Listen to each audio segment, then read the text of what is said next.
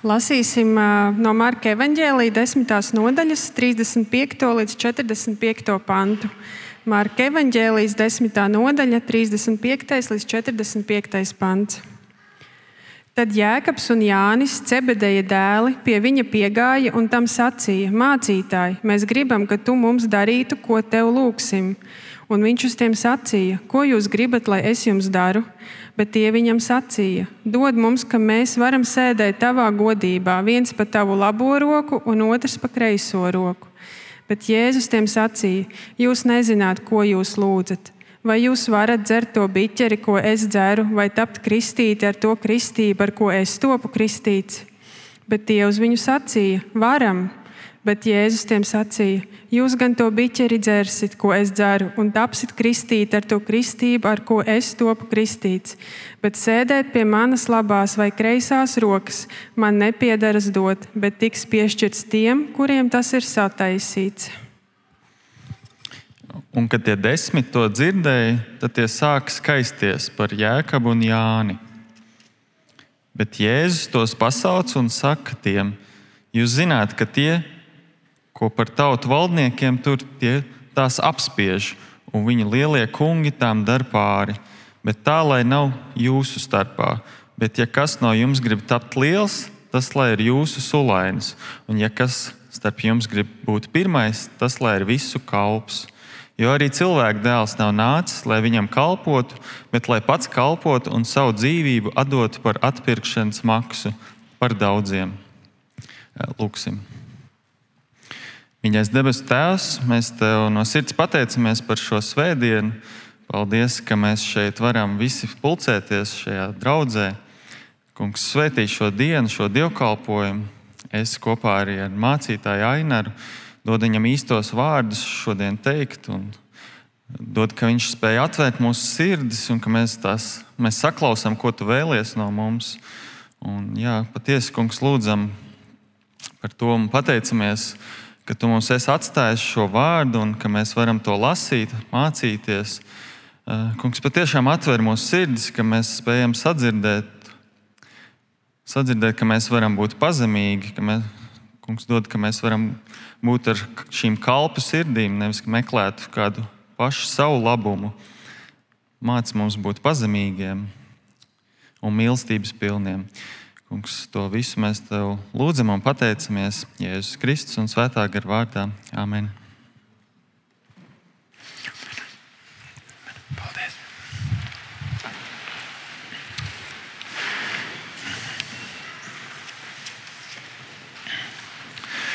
Kad kādu ilgāku laiku nesam ar kādu draugu vai paziņu satikušies, tad satiekoties mēs nu, visbiežāk jautājam, nu, kā tev klājas, kā tev iet. Un arī liekas, ka vistradicionālākā atbilde ir, nu, labi. Eh, nu, ja mēs jūtam, ka tas eh, draugs eh, vai draudzene ir tāda ieinteresētāka, vai mums ir vairāk laika, kad varam pavadīt sarunās, tad mēs dažkārt arī sakam, nu, īstenībā jau nekādīgi neiet. Un tad mēs sakām, kas tad mūsu sirdi nospiež. Taču liekas, tad, kad mēs satiekamies un kad kāds mums jautā, nu kā tev iet, tad visbiežākā atbilde ir normāli. normāli. Un tas faktiski pasaka to, ka, ka nu, mēs esam apmierināti ar to dzīvi, ar to situāciju, kurā mēs dzīvojam, ar to status quo, kādā esam. Ka, ka neko īpaši nevēlamies eh, mainīt un ka esam apmierināti ar apstākļiem, kuros esam. Eh, taču atcerieties, ka, ka tad, kad mēs iemācījāmies lasīt un rakstīt, eh, tad viens no vispopulārākajiem sacerējumiem, kuru mums vajadzēja rakstīt, bija par ko es vēlos kļūt. Un, un interesanti, cik no eh, tā, ko kādreiz rakstījām šajos sacerējumos par to, ko es vēlos kļūt, mēs esam arī dzīvē tādi kļuvuši. Šodien, kā mēs tikko lasījām, Marka evanģēlē un arī citos evanģēlos ir stāsts par diviem brāļiem, par Jēkabu un Jānu, kur nāk pie Jēzus un, un nevis tā pazemīgi kaut ko lūdz, bet eh, viņš saka, mācītāji, mēs gribam. Un liekas, tas ir tik šodienīgi, tik mūsdienīgi. Man ir tiesības, man pienākas, es gribu.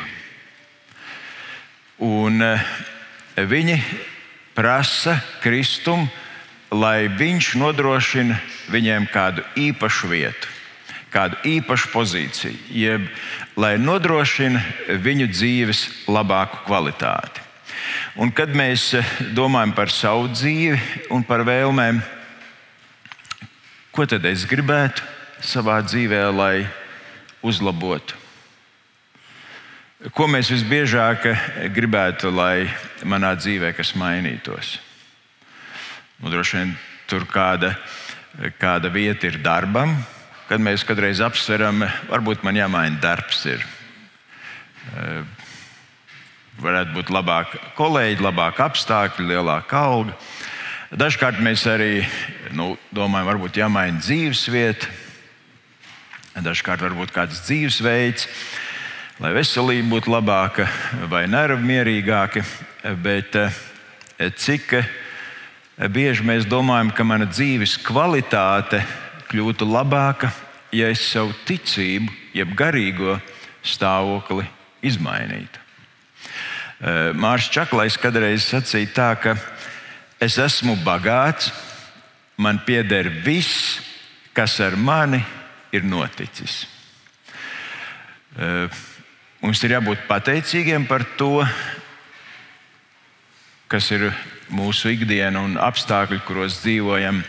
Un tomēr Dievs ir devis cilvēkam tādu nepārtrauktu vēlmi savu dzīves kvalitāti uzlabot. Bet mēs saprotam, ka šī dzīves kvalitāte ietver šīs divas dzīves puses - laicīgo redzamo un garīgo neredzamo. Un tad nu domāsim par šo stāstu kur divi brāļi iet pie Jēzus, un tur arī mācekļi iesaistās, kā dzīvi uzlabot, veidot labāku, kad mēs varam kļūt pirmie, labie, ka mēs varam iemantot kādu labu, vērtu vietu vai pozīciju. Un tātad tā, tā pirmā doma, ko varam no šīs stāsta domāt, ir par vēlmi, par, par vēlēšanos pēc labākas dzīves par vēlmi pēc labākas dzīves. Mēs gribam, ka tu mums darītu, ko tev lūgsim. Ja es saku, ko jūs gribat, lai es jums daru, dod mums, ka varam sēdēt tev pa labo un pa kreiso roku. Kāpēc eh, diviem brāļiem vispār tāda doma var ienākt prātā? Nu, mēs redzam, ka, ka Jēzus eh, arī šajā Marka evanģēlijā jau trešo reizi runā par to, ka viņa zemes dzīves noslēgums beigsies ar nāvi un augšām celšanos. Eh, mācekļi arvien skaidrāk saprot, ka Jēzus ir tas, ko pravieši pravietoja apsolītais mesija, glābējs, atbrīvotājs. Eh, mācekļi pēc trīs gadus kalpošanas kopā ar Jēzu Palestīnā un, un kaut kur mazliet ārpus Palestīnas, beidzot tuvojas Jeruzalemei.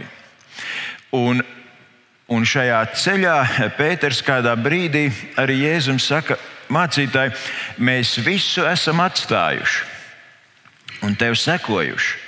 Jau trīs gadus mēs esam mainījuši savu nodarbošanos, savu dzīvesveidu, visu esam atstājuši, tev sekojuši.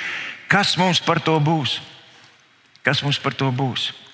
Un Jēzus arī atbild, ka šeit un mūžībā simtkārtīgi jūs atdabūsiet. Tur Markam 10. nodaļā, 28. pantā par to iet runa. Tad Jēzus jau saka, ka jūs būsiet ieguvēji. Un mācekļi pat varbūt arī neizprotot to, ko Jēzus viņiem vairāk kārtīgi ir sacījis par savu upuru Golgātā, tomēr saprot, ka pavisam drīz notiks kaut kas ļoti liels, kaut kas grandios, kaut kas ļoti nozīmīgs. Un mācekļi saprot, ka šis laiks ir izdevību laiks, un ka ir jāizmanto tā situācija, ka viņi ir tik pazīstami, tik tuvu, tik ilgu laiku bijuši kopā ar Jēzu. Un eh, tur 9. nodaļā jau mēs lasījām, ka tur eh, ceļā no Kapernaumas viņu starpā izceļas diskusija un pat strīds, kurš ir lielākais. Kurš ir viņu vidū spējīgākais, kurš ir ietekmīgākais, kurš ir gudrākais, kurš ir labākais? Un, un jautājumi par to, kurš ir labāks, pirmais, kurš ir spējīgāks, parasti var īstenot divējādi. Tas pirmais ceļš ir, ka, ka labāko pirmo, jeb, jeb, jeb lielāko var noteikt pēc cilvēka spējām, pēc pieredzes, pēc zināšanām, pēc aktivitātēm vai pūlēm, kad es sasniedzu un tāpēc es esmu labāks.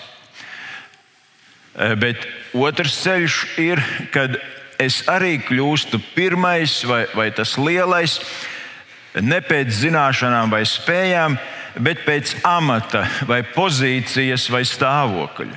Citiem vārdiem sakot, mani iecēla. Jeb, jeb šodien, kaut arī mēs dažkārt sakām, nu ir konkurss, kas izvērtēs, bet īstenībā mani iebīdīja. Un ne manas zināšanas, ne manas spējas ir noteicošās, bet pazīšanās ir noteicošā. Un brāļi liekas iet šo otro ceļu. Ja mācekļi strīdējās, kurš ir labākais un lielākais, tad viņi tā kā vērtē viens otru. Tad šis otrais ceļš brāļi izmanto, ka viņi ir pie Jēzus, iespējams, arī radinieki. Un viņi saka, mēs gribam tev ko lūgt. Dod mums vienam pa kreiso, vienam par labo roku sēdēt tavā godībā. Brāļu stāsts liek mums domāt, kādas ir manas vēlmes? Kādas ir manas vēlmes? Un kāda ir mana lūguma Dievam? Ko es vēlētos, lai, lai Jēzus izdarītu manā dzīvē?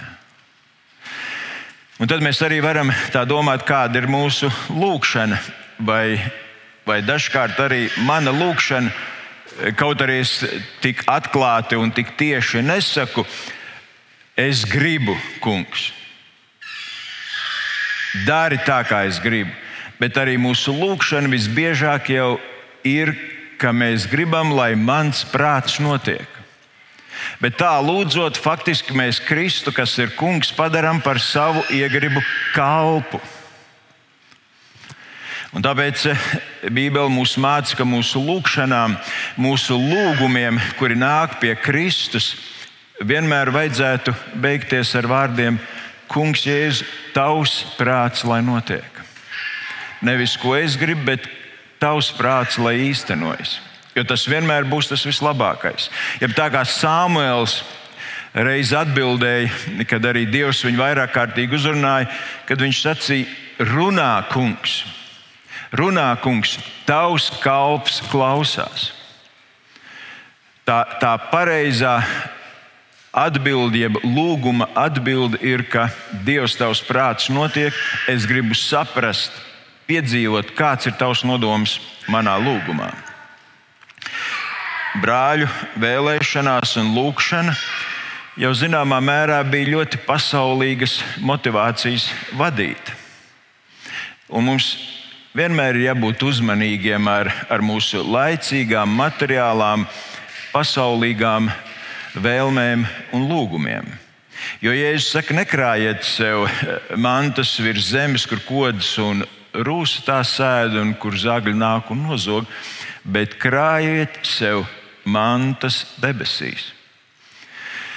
Un tas jautājums ir, ko, ko man jāiz, jāuzdod sev, ir, bet, bet cik bieži es esmu lūdzis pēc mantas, kas būtu debesīs.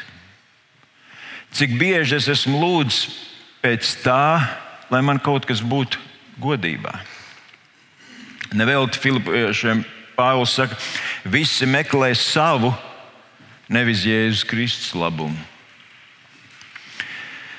Jēkabs un Jānis taču ienīda Romas varu, kas apspieda tautu, kas apspieda viņu ticību, Taču viņi iekāroja tieši to pašu. Viņi nicināja šo varu, bet tai pašā laikā no Jēzus lūdza valstību, ietekmi, spēku, godu, teikšanu, tieši tāpat kā viņa īstā vara to īstenoja. Un tāpēc, eh, lai savas vēlmes, kad izsakām Dievam, lai mēs lūdzam, lai viņa prāts īstenojas. Tā ir liela priekštiesība, ka mēs kā bērni vienmēr varam izteikt visus savus lūgumus.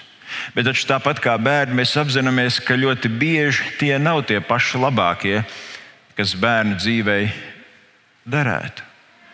Un tāpēc, lai tas mūs iedrošina, ka mēs varam vienmēr kungam izteikt savas vēlmes, vēlēšanās, bet lai arī lūdzam, lai Dieva pārts tajās notiek. Tad, tad ko es vēlos? Tā otra doma, ko šis stāsts mums saka, ir, ir, ka ir labi par mūsu vēlmēm vai nodomiem sarunāties. Ir labi par to, ko es vēlos, lai manā dzīvē notiktu, sarunāties. Latvieši gan mēdz teikt, par savu nākotni es nevaru teikt, ka kāds nenoskauž. Un tāpēc es labāk paturēšu pie sevis. Bet mēs redzam, ka šī situācija brāļiem un ar mācekļiem parāda, ka tas nav tas labākais ceļš. Nu, jāsaka, visu cieņu brāļiem, jo viņi šo lūgumu izsaka atklāti. Mēs jau dažkārt izmantojam, ka mēs tiktu pie priekšniekiem, pie kā augstāk, nu, kaut kādā īpašā brīdī, un, un tad, kad neviens to nezina, bet viņi atklāti saka, visu to dzird. Un, un ko tad mēs lasām?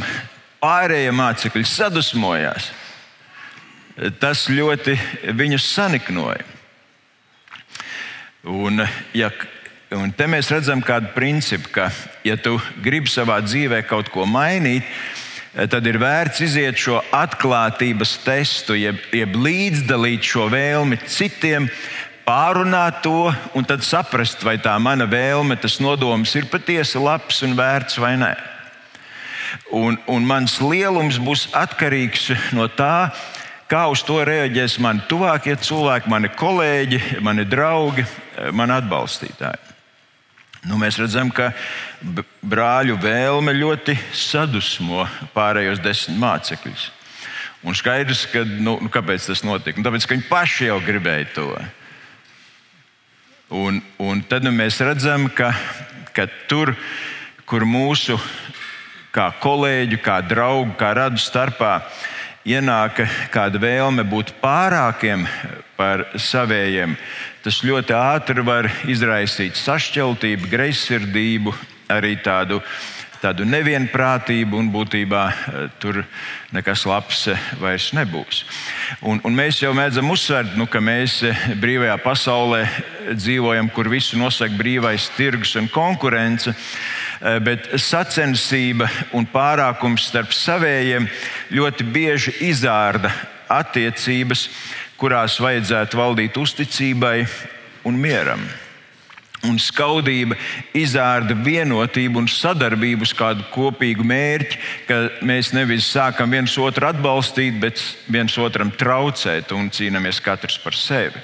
Konkurence centrējas uz katra indivīda labumu, bet ne uz to, lai mums kā kopienai, kā kolektīvam, kā sabiedrībai būtu labi.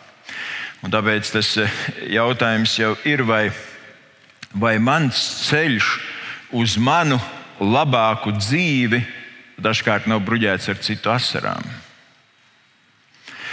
Uh, iepriekš Marka evanģēlē 7. nodaļā mēs arī aplūkojam kādu stāstu, kur Jēzus sarunājas ar fēniķieti, ar fēniķiešu sievieti.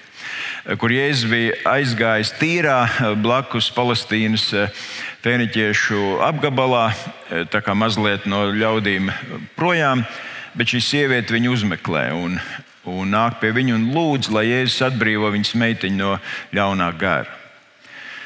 Un tad mēs varējām redzēt, ka Jēzus ar viņu sarunājas, un šī saruna šīs sievietes ticību stiprina. Saruna, kas stiprina otru ticību, kas stiprina otru pārliecību. Un šeit mēs atkal redzam, ka Jēzus sarunājas gan ar brāļiem, gan ar mācekļiem.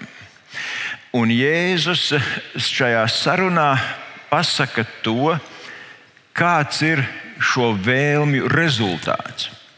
Kāds būs tas rezultāts, ja tas, ko es savā dzīvē vēlos, piepildītos? Citiem vārdiem sakot, šī Jēzus saruna ar brāļiem un mācītājiem, eh, mācekļiem atklāja to realitāti, eh, to īstenību un patiesību, kas būs, ja tu kļūsi pirmais un labākais.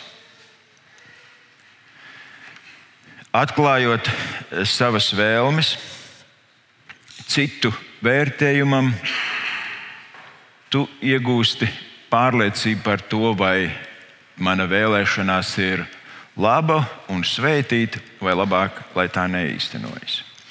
Jā, brāļi bija pietiekoši drosmīgi, varētu teikt, varbūt nekaunīgi, prasot divas labākās vietas. Taču interesanti, ka Jēzus pretēji mācekļiem viņš nenosoda. Jēzus brāļus nekaunina, viņš pat nenorāja viņus, bet paskaidro, ka viņu vēlmēm ir ļoti augsta cena. Ka viņu vēlmēm tā cena ir sāpju, biķeris, grūtību biķeris, ciešanu, kristība. Brāļi, protams, jau Jēzus atbildē, eh, grib dzirdēt eh, to, ko viņi vēlas saņemt, Un zinot, ka Jēzus tik daudz ko ir darījis, brīnumainu neiespējami, arī droši atbildēt, mēs varam. Mēs varam dzert šo grūtību, sāpju, biķeru un iet šajā ūdens eh, kristībā cauri pārbaudījumiem un grūtībām. Mēs varam. Un, un vēlāk jau redzam, ka tieši tā arī notika, jo Jēkabs bija pirmais no mācekļiem, ko Hērods nogalināja. Ar zobenu to apakstu darbu 12 nodaļā lasām. Un Jānis savukārt visu lielāko mūžu pavadīja trimdā Patmas salā izsūtījumā. Jēzus šajā sarunā paskaidro eh, kādu ļoti būtisku patiesību, ko kristietība atklāja, ka pat ciešanas un grūtības, kuras mēs dzīvē pārvaram, nav tāpēc, lai iegūtu labumu sev, bet lai iegūtu labumu citi. Ka mūsu lielums, ka mūsu pirmā pozīcija, ka mūsu labuma stāvoklis ir tādēļ, ne lai iegūtu labumu sev, bet citi. Un mēs jau dzīvē, nu, nu mēs eh, daudz un, un grūti, ilgstoši mācāmies, strādājam, pūlamies, dažkārt pat ciešam, lai beidzot baudītu labus augļus savā dzīvē. Taču Jēzus saka, nē, ka, ka mūsu lielums, mūsu lieluma cena, dažkārt pat upurēšanās, ir citu labumu dēļ.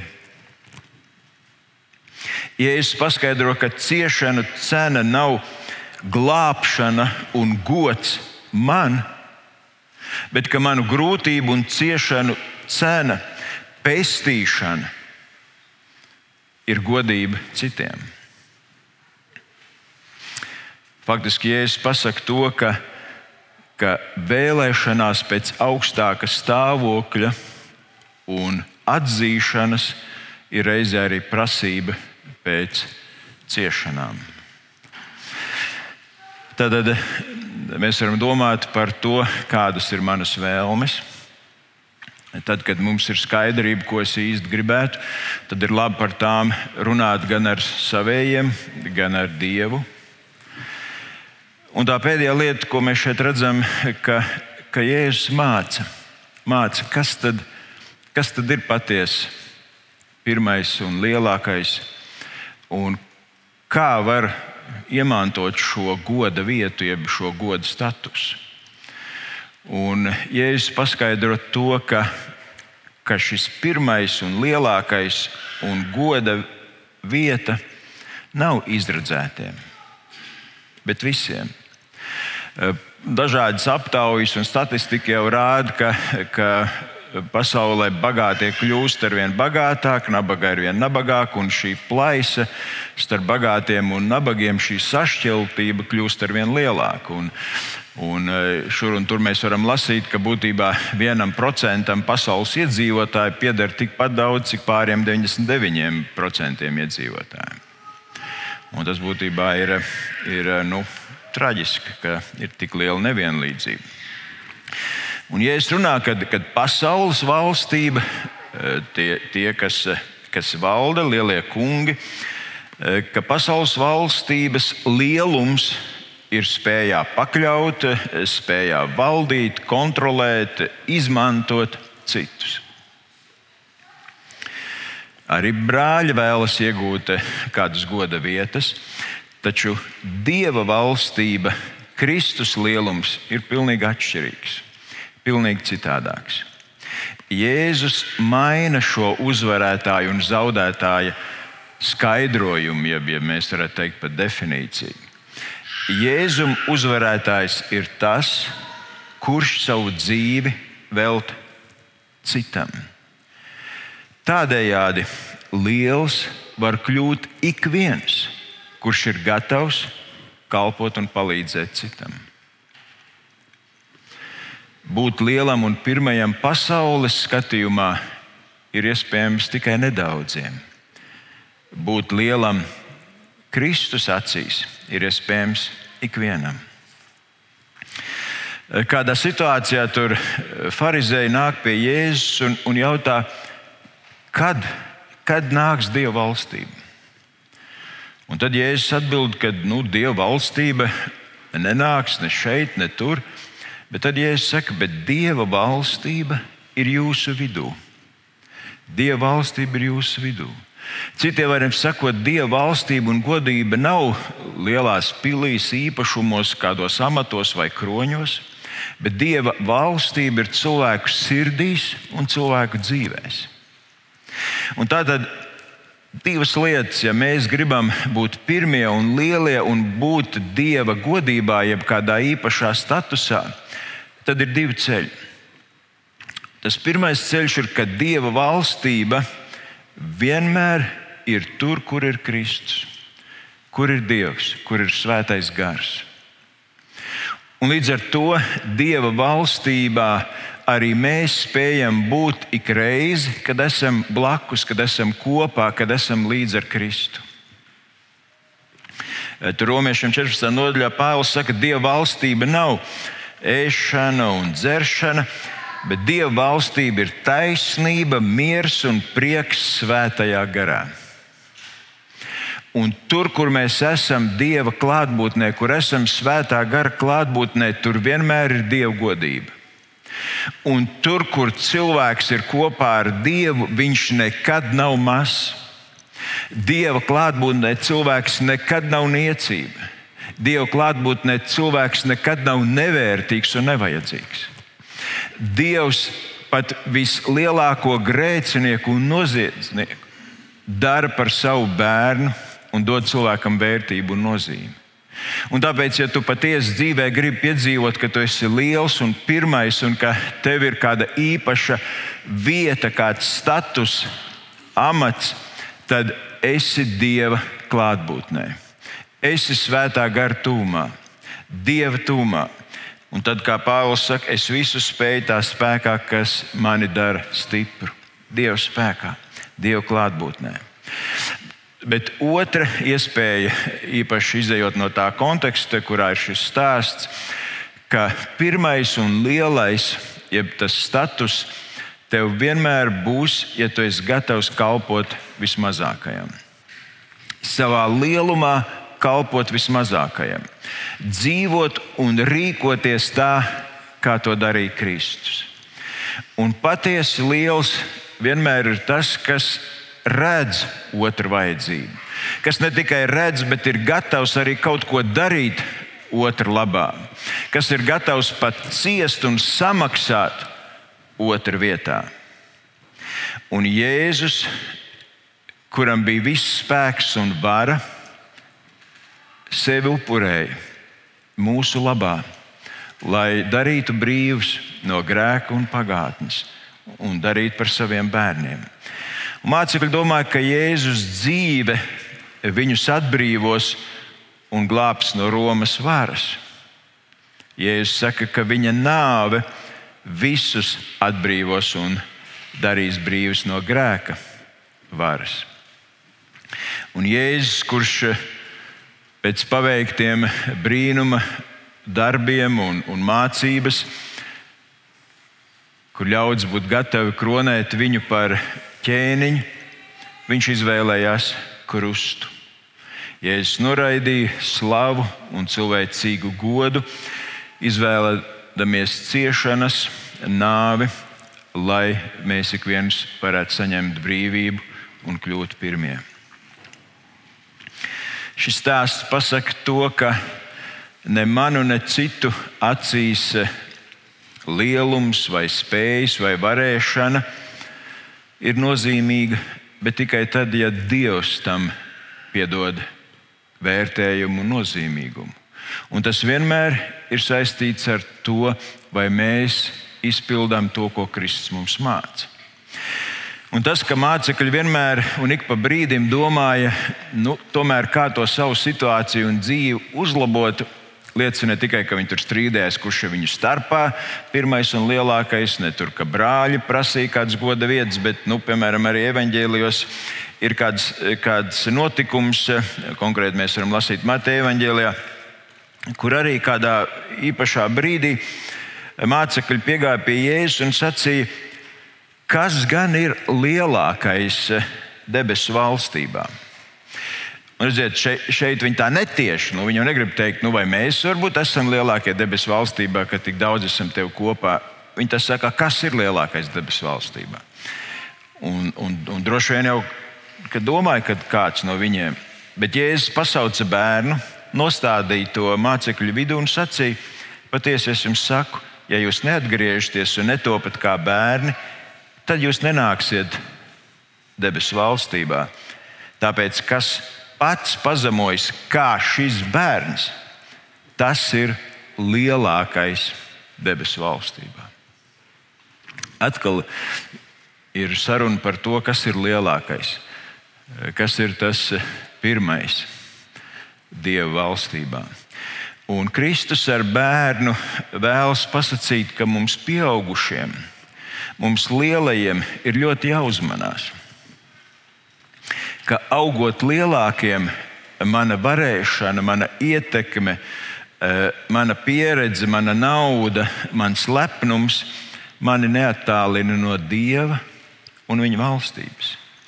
Un, un tāpēc cilvēka lielums tiek mērīts ar pazemību, ar kalpošanu, ar mīlestību. Cilvēka lielums tiek mērīts ar bērna ceļu. Un bērns taču nevar neko ne samaksāt, ne sapelnīt, ne dot, lai iegūtu kādu stāvokli. Bērna stāvoklis viņam pienāks.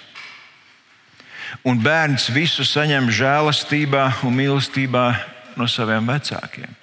Un tā jau arī mēs, kā cilvēki, Dieva priekšā, mēs taču nevaram neko ne nopelnīt, ne izpelnīties, ne kaut ko sakrāt, ne kaut ko samaksāt. Dievs mūs ir darījis par saviem bērniem, un saņemot šo žēlastību un mīlestību, kalpošanu no Dieva, mēs esam aicināti to tālāk dalīt un turpināt Kristus vietā šajā pasaulē. Dieva spēks varens parādās, kad esam nespēcīgi un vāji, kad esam gatavi kaut ko no savas dzīves ziedot un upurēt citu dēļ. Tad mēs kļūstam lieli. Kādā, kādā ciemā pie okeāna, kur ciems rosījās ielā starp kalniem, apkopot apkopot, eh, kopjot savus rīsu un dārzeņu laukus. Eh, kāds vīrs, kura īpašums bija kalnā, eh, uzmetot skatu okeānam, saprata, kad, kad tas tuvojas. Kad, kad parādās pie, horizonta šī, šī baltā līnija, ka, ka tā nelaime, tsunami tuvojas. Un skaidrs, ka, ka šis milzīgais vilnis piepildīs visu ielēju un arī visu savā ceļā noslaucīs un noslīcinās.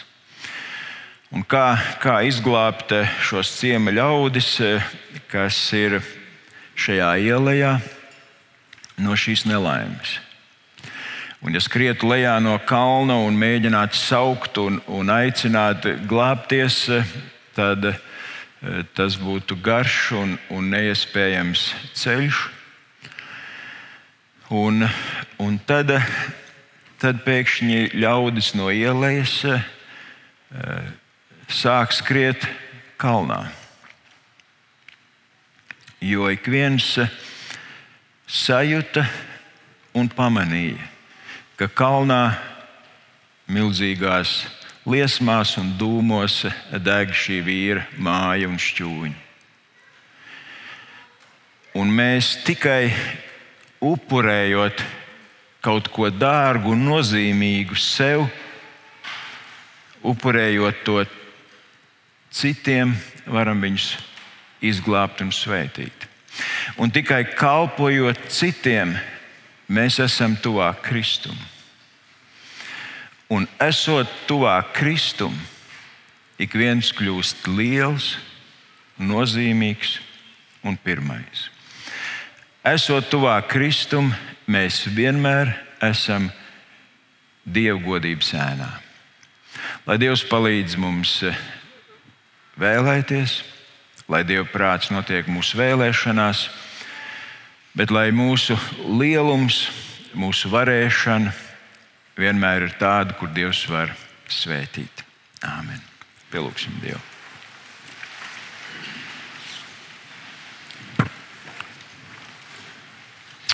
Kungs, Jēzus, paldies, ka, ka mēs varam nākt pie Tevis. Ka mēs varam kā bērni vienmēr izteikt savas vēlmes un savus lūgumus Tev. Paldies, Kungs, Jēzus, ka Tu redzi mani ka tu redzi manu situāciju. Bet paldies, Kungs, Jēzus, ka tu zini labāk nekā es spēju redzēt un saprast manu konkrēto vajadzību un situāciju. Un paldies, Kungs, Jēzus, ka tu vienmēr gribi dot to vislabāko, kas manai dzīvei būtu vajadzīgs ne tikai īstermiņā, bet visas dzīves gājumā. Un tāpēc paldies, Kungs, Jēzus, ka tu nevienmēr uzklausi manas egoistiskās un sautīgās lūgšanas, bet, Kungs, ka tu vēlēsies, lai es iemācos uzticēties tev kā bērns vecākiem, lai piedzīvotu savā dzīvē svētību. Kungs palīdz, ka mēs spējam būt tev blakus, ka mēs spējam arī ikdienā izējot nepazaudēt tavu tuvumu, lai piedzīvotu tavā klātbūtnē tavu spēku, tavu aizsardzību un reizē arī tavu godību. Un esot kopā ar tevi un tavā tūmā, mēs patiesi justos nozīmīgi un vērtīgi šai dzīvei un mūžībai. Uz to mēs lūdzam, Kungs, Jēzu, tavu palīdzību. Āmen! thank you